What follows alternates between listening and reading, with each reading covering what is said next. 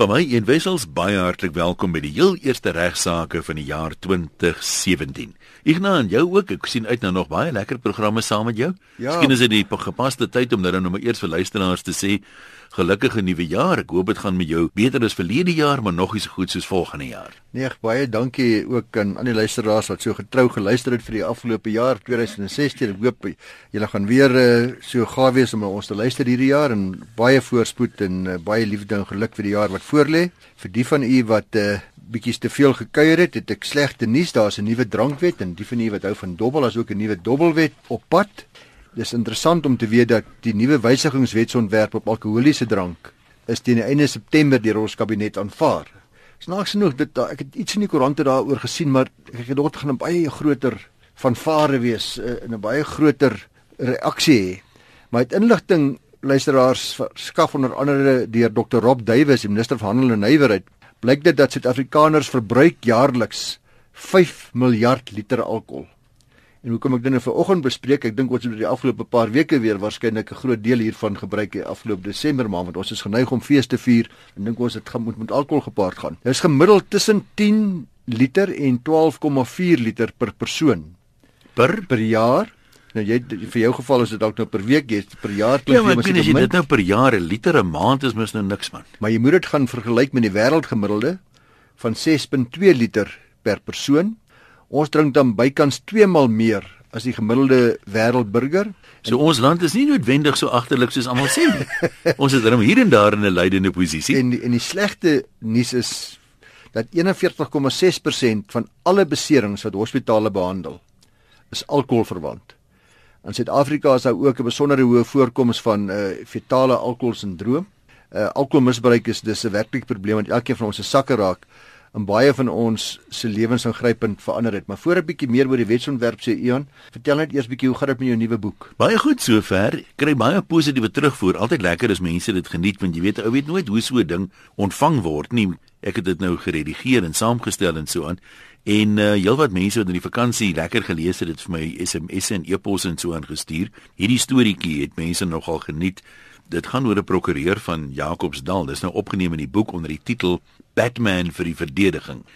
En ehm um, sy kantoor is reg langs die hof op Jacobsdal. Ek het nou nie die boek voor my nie, so kan ongelukkig nou nie sy naam onthou nie, maar ek onthou wel die storie. En hy sê dat die hof is nie baie besig nie. Hy tree so af en toe nog verskyn hy vir iemand. Maar hy het wel 'n goeie verhouding met die landdros eh, kantoor se personeel. So gewoonlik 9uur begin die hof en dan moet jy net maar wag tot jou saak voorkom maar omdat dit nou letterlik net weet stap langs aan toe, laat hulle hom gewoonlik weet as sy saak nou volgende is. So dan bly hy nou by die kantoor en sê sy toga hang permanent daar agter die deur soos as hy uitstap, vat hy net die toga.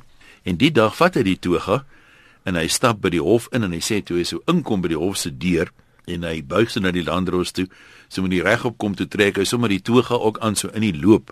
Maar die toga vir 'n rukkie nie aangehaat nie want toe vlieg daar twee vlermuise uit die toga uit en hulle begin hierdie hof bombardeer en vlieg daar rond en hy sê daar was nie sprake van die dekorum van die hof nie.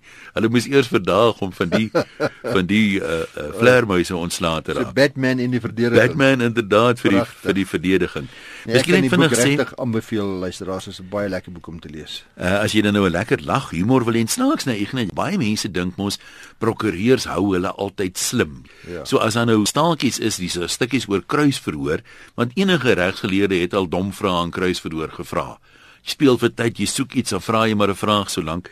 En dis of luisteraars het verskriklik geniet om te sien maar prokureurs wat dink hulle is slim, is nie altyd so slim nie of maak ook dom foute partymal. Ja, nou sê jy seker erken ook dat meeste van die bydraes wat jy kry vanaf prokureurs is nie koste van hulle self wat hulle die grappies maak. Ja, dit is nogal. Hulle dit is maklik vir hulle self. Dit is inderdaad so. Ja. Maar net wat die kruisverhoor betref, so kortliks is daar 'n hele paar voorbeelde van kruisverhoor wat nie heeltemal so skerp is nie. Onder andere vra 'n prokureur vir 'n getuie en hoeveel keer het u al probeer selfmoord pleeg? Die getuie sê 2 keer. Die prokureur sê en was u suksesvol? ja. 'n Ander een uh, het gegaan oor uh, die getuienis was dat daar 'n stel trappe wat afgaan na die kelderverdieping toe. En toe vra die prokureur vir die getuie en is daar 'n stel trappe wat weer opkom ook. maar nee, die ja. die staaltjies en nog baie 240 bladsye is 'n lekker lag in die boek Genade edelagbare Humor en die Hof uitgegee deur Lapa Uitgewers saam met RSG behoort by die meeste toonaangewende boekwinkels te wees. As hy nie voorraad is nie, sê hulle moet vir jou bestel of as jy nie naby 'n boekwinkel is nie, kan jy bestel by Lapa, by Lapa, lapa@lapa met ander woorde .co.za of jy kan die nommer skakel gedurende kantoorure 012 401 0700 012 401 0700 Ja, luisteraars, dan is die goeie nuus baie van u het geskakel en navraag by my gedoen oor die beskikbaarheid van die boek wat ek geskryf het. Wat sê die prokureur? Die goeie nuus is dat die 4de herdruk het nou die lig gesien. Hy's weer beskikbaar by die uh, boekwinkels. Lekker hofsaake, uh, goeie voorbeelde wat jy kan gebruik, sommer net in 'n beligte verstaanbare, gemaklike manier probeer ek die reg daar vir die almal toeganklik maak. Ek moet jou komplimenteer daarmee. Dit is nie maklik om 'n ding wat ingewikkeld kan wees eenvoudig te verduidelik nie. En is dit Einstein wat gesê het as jy dit nie so kan verduidelik dat 'n kind dit kan verstaan nie, dan verstaan jy dit waarskynlik self nie. En ek dink jy het baie van die regsterme in gewone taal baie mooi verduidelik dat 'n mens sonder dat jy nou regsagtergrond hoef te hê ook kan verstaan waaroor gaan dit, wat is jou regteringe en verpligtinge, wat beteken die terminologie en so aan. So veertjie en jou hoe daarvoor. Nee, baie dankie Ian en as uh, jou man ongelukkig is met die geskenk wat hy gekry het vir Kersfees, gaan kyk gerus gekoop van hierdie boek. Dan weer 'n nuwe drankwet of 'n nuwe wysigings uh, wetsontwerp. Uh daar's verskeie nuwe maatreëls wat dalk interessant sal wees vir ons luisteraars in 'n poging natuurlik om alkoholmisbruik hok te slaan.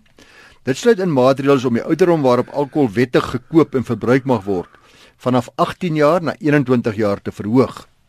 Minister Duwe sê dat studies het getoon dat in lande waar die ouderdom wel verhoog is, het ongelukke waar jong mense betrokke was redelik dramaties afgeneem.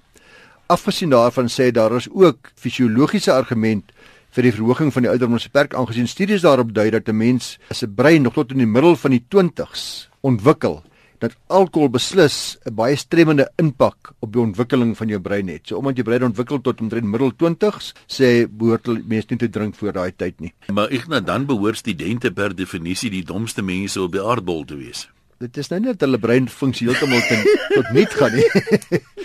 maar hierdie wet stel ook voor dat uh, advertensieborde nie naby sekere plekke soos treinstasies opgerig maar word nie daar ook gekyk moet word na die konsentrasie van drankafsetpunte en veral woongebiede. Dranklisensies stel die wet voor om nie toegestaan word naby skole, kerke ensovoorts nie. En ek dink luisteraars sal saamstem dat die poging nog waardig is, maar uh, glo ek dat daar nog baie water in die see sal loop voordat dit wet sal word indien ooit. Die staat poog terloops ook uh, luisteraars om dobbel op die internet finaal vas te vat in die wysigingswetsontwerp op dobbelary wat dieselfde minister ook onlangs is einde September begin Oktober verlede jaar in 2016 bekend gemaak het. Hy sê dat ons Suid-Afrikaners het hierdie jaar 17,2 miljard rand weens dobbel verloor. Nou gevolg die wetsontwerp sal die nasionale dobbelraad hierdie bedryf baie strenger kan reguleer. 'n Belangrike bepaling is dat dit moontlik sou wees om geld te konfiskeer wat onregmatig gewen gewen word. Dit beteken dat dobbel op die internet wat onwettig is, As jy onwettig gedobbel het en jy wen daar, kan die staat daardie geld by jou kom verskeer en terugneem. As hulle vasstel dat jy dit op 'n onwettige wyse gewen het. Die minister uh, en die wetsontwerp sê dis oorgeset synde dat ons jou dalk nie keer om te dobbel nie, maar ons jou kry as jy wen. Nou die minister wys ook daarop dat in Suid-Afrika onwettig is om aanlyn te dobbel, maar glad nie saak of die webwerf anders probeer verduidelik of aantoon nie. Daar word kommentaar nou afgewag op hierdie wet, so as ons moet kyk luisteraars en moet sien hoe die finale wet mettertyd gaan lyk. Hulle het nie plan nou om die geld wat jy onregmatig verloor het namens jou weer te gaan haal ook nie. Dit klink al van half so. Dan het uh, ons 'n e-pos ontvang vanaf anoniem wat sê sy 6 maande swanger, ongetroud. Sy sê die pa se tandarts, sy sê terloop sy naam, ek gaan dit nou maar nie noem nie. Sy sê dat sy vir hom gewerk het en dat as gevolg van die spanning voorspruitende uit die swangerskap, sy besluit het om te bedank. Sy is al 2 maande werkloos en sonder salaris. Sy sê die tandarts, dis in die werkgewer, het aangedui dat hy aandring op vaderskap toetse sodra die kind gebore is en dat hy dan sy onderhoudsplig sal nakom. Sy wil weet of sy vir haarself kan onderhoud eis terwyl sy swanger is. Sy wil ook weet van bevallingskoste, al die hospitaaluitgawes en ensovoorts want sy sê sy het nie 'n mediese fonds nie. Ek gaan hierdie dame na 'n dorp in die naam van die tandarts maar anoniem hanteer, maar die algemene reël luisteraars is dat 'n ma beslis nie geregtig is op onderhoud vanaf die biologiese pa van die kind omdat sy bloot verwagtend is nie. So net die feit dat sy verwagtend is maak haar nie geregtig op onderhoud nie. Dis in 'n sekere sin jammer dat sy bedank het want sy was uiteraard geregtig op kraamverlof en sou daar sekere arbeidsregtelike vraagstukke in werking tree indien die tandarts sou weet dat sy daar terugkeer die diens moes verlaat. Sy het nou ongelukkig bedank omdat sy nou nie meer lekker daar werk nie. Sy sê daar's 'n spanning tussen haar en die baas, maar sy was geregtig om aan te hou werk daarson as hy dan wil laat gaan het. Dan natuurlik sou hy haar uh, sou sy geregtig wees op sekere inkomste. Maar ek's nie arbeidsreg prokureur nie en moet sy dit oorweeg om advies by 'n spesialiste gaan kry. Ek dink die feit dat sy vrywillig volgens haar eie skrywe bedank het, uh, het haar saak waarskynlik erg benadeel. Met betrekking tot gewone onderhoud is dit egter wel so dat die moeder van die ongehuide baba wel geregtig is om sekere uitgawes vanaf die biologiese vader te eis. En ek het dit bespreek met Bertie Groblaar, die die die egskeringsspesialis daar op Rustenburg, en hy sê in Engels praat hulle van sogenaamde lying in expenses of dan swangerskap uitgawes. En dit sluit in mediese uitgawes wat sy moet aangaan, asook hospitaalkoste gedurende die swangerskap en ook dan wanneer die baba gebore is. Indien die pa erken dat sy kind is, is daar natuurlik die moontlikheid dat hy dit van sy mediese fonds kan verhaal In hierdie geval waar die ma geen inkomste het nie en die biologiese pa tandarts is en dis waarskynlik 'n redelike inkomste behoort te hê, is hy beslis verantwoordelik vir al die swangerskapskostes. Wat en hierdie uitgawes is veronderstel om by om by te dra tot die redelike koste van die swanger vrou terwyl sy die baba dra en ook terwyl sy voorberei vir die geboorte. Dit sal byvoorbeeld insluit vitamiene, kraamklere, uh asook baba verwante uitgawes soos byvoorbeeld 'n motorsitplek uh, sodra die kind gebore is, 'n stootwaandjie. Alhoewel dit nie normale onderhoud is, is dit ook indirek in die onderhoudskoste gedurende die swangerskap. So ek het aan die begin gesê die maat nie onderhoudseis nie, maar indirek het sy eis vir verskillende uitgawes wat sy aangaan as gevolg van die swangerskap. Uh moeders wat self ook nog 'n uh, inkomste het, sal natuurlik nie alle uitgawes kan verhaal nie, maar slegs die prorate gedeelte in verhouding met die inkomstes. Onderhoud vir die kind kan slegs geëis word sodra die kind gebore is. Maar onthou nou die onderhoudsbeampte is dan ook geregtig om 'n bevel te maak wat alle uitgawes insluit wat aangegaan is met die geboorte van die kind tot en met datum wat die onderhoudsbevel gemaak word. Indien dit beteken dat die pa weier om met hy vaderskap ontken en vaderskap eers 'n paar maande na geboorte bevestig word, uh, dan sal die luisteraar geregtig wees om terugwerkend al hierdie gelde as ook onderhoud vanaf datum van geboorte te eis. Hierdie pa sê nou ek gaan betaal maar ek dink dit is my kind nie. Ek wil bewys dit eers. Nou sê moet dis behoorlik fakture hou van al haar aankope, as ook allerlei uitgawes wat verband hou, soos ek reeds gesê het. Dis verskillende uit ook die bevallingskoste self, die kraamkoste, alles.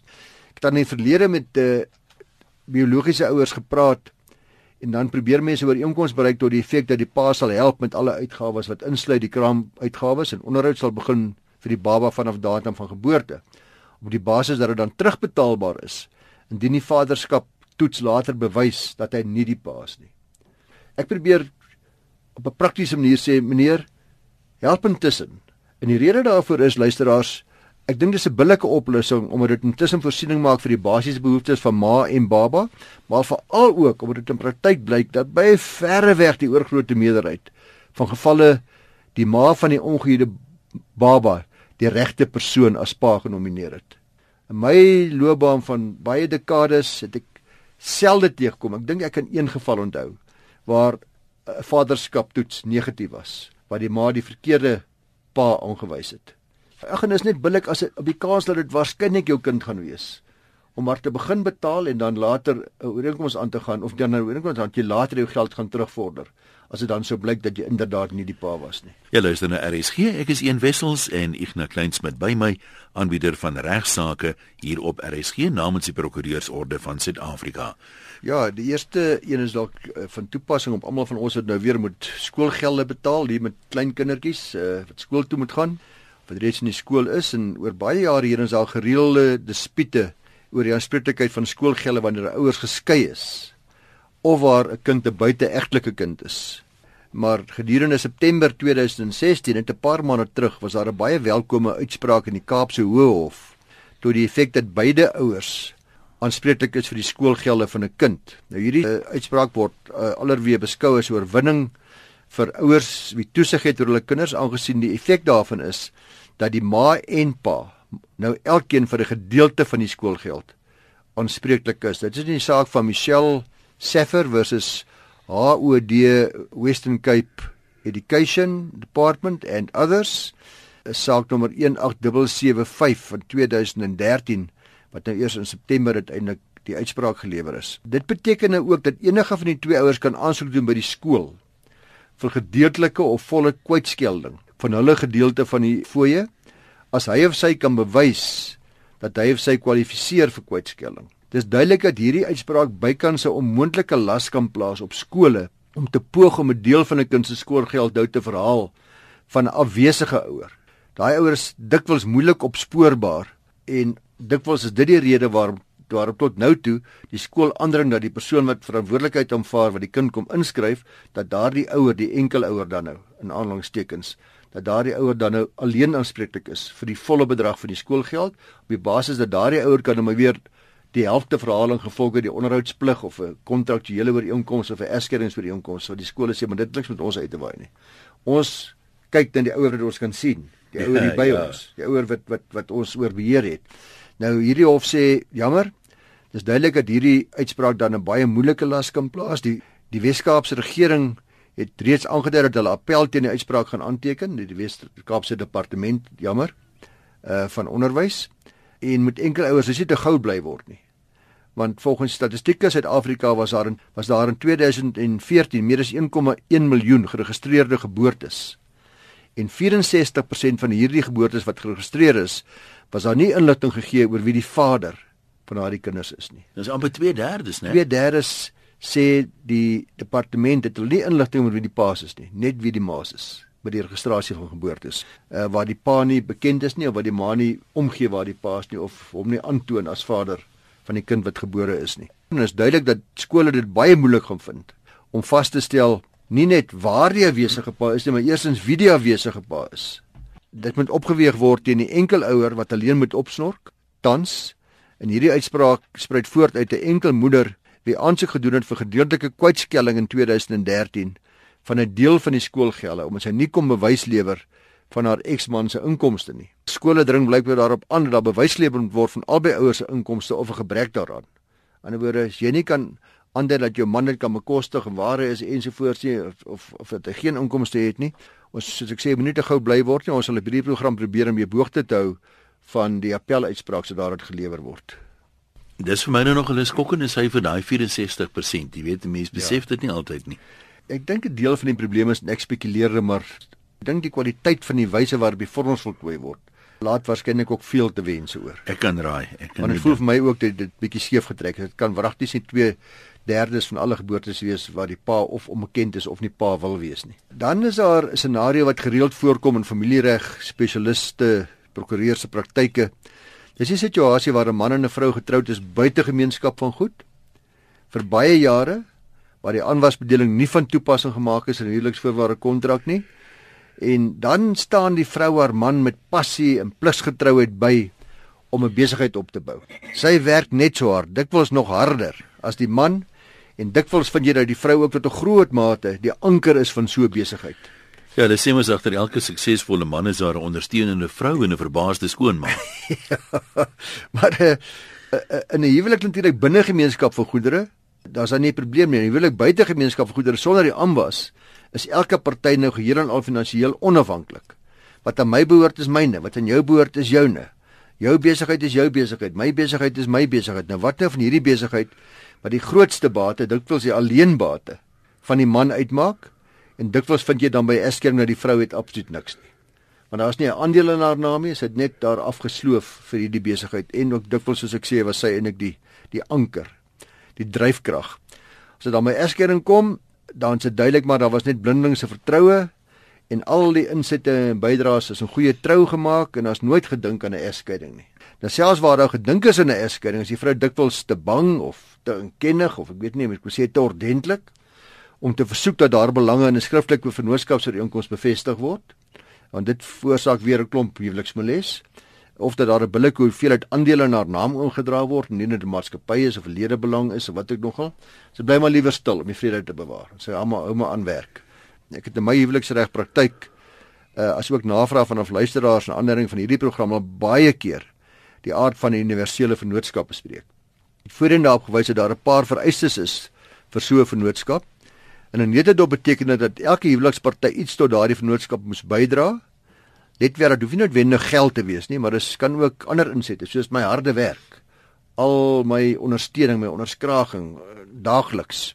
Alles is deel van wat ek bygedra het. Die een eienskap wat dikwels 'n probleem is om 'n universele vennootskap te bewys is ons moet dit gedoen het met die oog om wins te maak tot voordeel van ons albei. Nou by partye getroud buite gemeenskap van goedere waar daar huweliksvoorwaarde kontrak is en daar's geen aanwasbedeling daarin beding nie, is dit dus duidelik dat elke party niks met die ander party se finansies of boedel wat opgebou gaan word te doen het nie. Maar want hulle kon ook binne gemeenskap goed getroud het. Dan was hulle 50-50 in hierdie besigheid en wat ook nog hulle gehad het. Ook by aanwas sou hulle gedeel het in wat die besigheid wat gegroei het vanaf datum van huwelikssetting tot by datum van egskeiding. Maar die tipe universele vennootskap wat ek hier bespreek, is die gesamentlike besigheid. Oftewel die kommersiële vennootskap waar die een party kan of wil aantoon dat al die bates van daardie besigheid deel is van die universele vennootskap en dis albei partye toekom.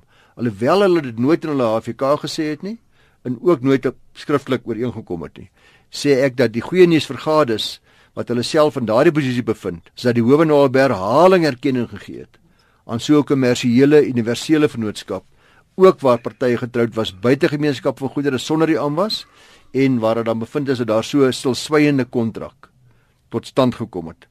Om te bepaal of dit stilswygend tot stand gekom het of nie sal die howe kyk na al die omringende omstandighede. Dis vanaf die ontstaan van die besigheid tot met die egskeiding. Dit sal aspekte insluit soos die bydraes deur elke party, hoe die bankrekening en die winste gehanteer was, getuienis wie wat gesê het van tyd tot tyd.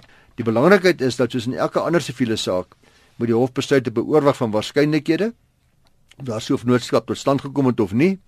En as dit meer waarskynlik is dat daar wel 'n stilswygende vennootskap tot stand gekom het, sal die hof dan ten gunste van daai so gade bevind. Nou alle vroulike luisteraars, natuurlik is daar ook mans wat in hierdie situasie is, maar meestal maar vrouens is dis nie sonder 'n remedie nie. Jy moet nie telkens wanneer 'n egskeiding ter sprake kom, hulle steur aan die reglement dat hulle kaal aan die kant sal uitstap en met die hele besigheid is in my naam en ja. jy sal niks kry nie en jy's getroud buite gemeenskap van goed nik is jammer vir jou en my prokureur sal dit doen en dat doen. Dis nonsens.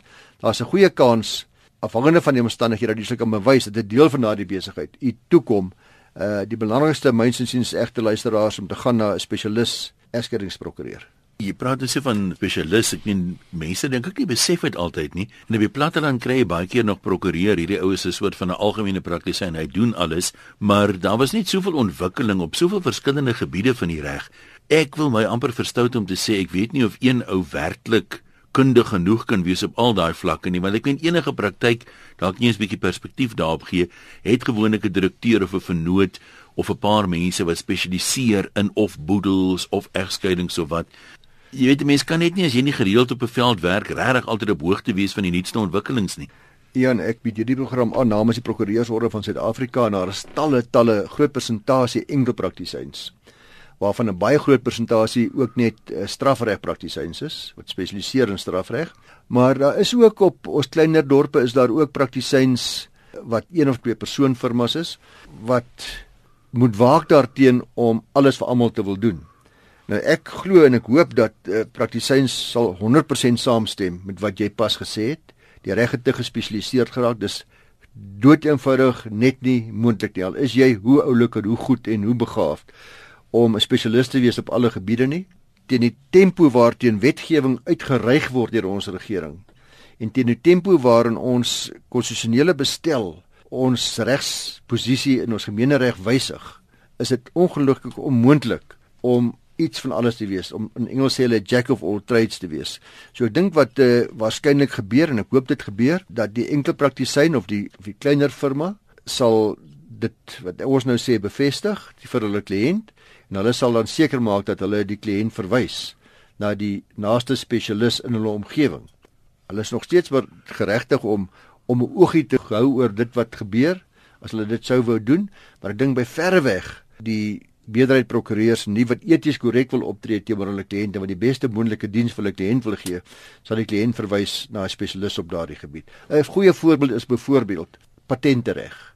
Daar slegs 'n paar firmas in Suid-Afrika ja, en in elke ja. groot stad stad wat daarin spesialiseer en dit is totaal arrogant en uh hoevaardig om te dink dat 'n uh, ou wat prokureur wat nie daarmee daagliks werk nie, dit wil aanpak en daarvan 'n sukses sal maak. Dit is hoekom uh, dit gebeur dat uh, net soos by dokters daar ook 'n stygende grafiek is van nalatigheidseise teen prokureurs omdat hulle in baie gevalle werk aanneem en wil probeer doen waarvoor hulle nie spe die spesialiteitskennis het nie wat gever word deur ons howe nie. En mense ook vind dink ek dat die meeste prokureurs het 'n belangstellingsveld. Het sy nou kontrakte reg of strafreg of litigasie of wat ook al. Ja. In gewone daai belangstellingsveld is juist die veld waarin jy uitblink wat jy lê jou na in die hart, jy werk lekker daar en daai ouens is gewoonlik net pleinweg beter as 'n ou wat sê wie maatskappye reg was my vrotste vak op universiteit en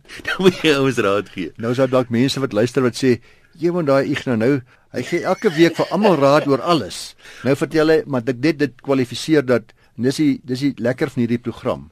Ek maak gebruik van spesialiste vir ja, elke liewe. Jy moet nog nooit skaam om erkenning te gee vir ja, daarvoor. Ja, en ek gee erkenning daarvoor en dit is en die rede daarvoor is dat dit sou totaal arrogant vir my wees om voor te gee dat ek die kennis het om al hierdie antwoorde, al hierdie vrae te beantwoord met die nodige kundigheid wat daarvoor geverg word. Ek nou, dis alwaar vir ons kans het vandag. Ek sê weer 'n baie mooi jaar vir jou en vir almal wat luister. Selfs vir al ons luisteraars, baie dankie.